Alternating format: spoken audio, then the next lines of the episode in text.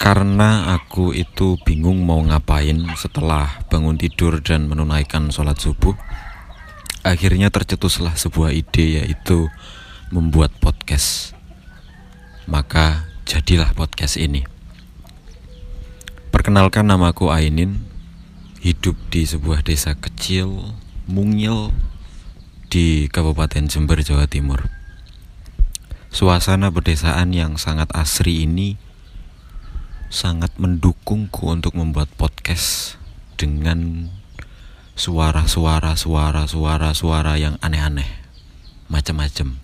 Ada ayam ada itik ada sapi ada kambing ada burung-burung liar dan lain sebagainya. Akan ada apa saja di podcast ini? Ya tentu ada suara. Selamat mendengarkan dan salam kenal. Sampai jumpa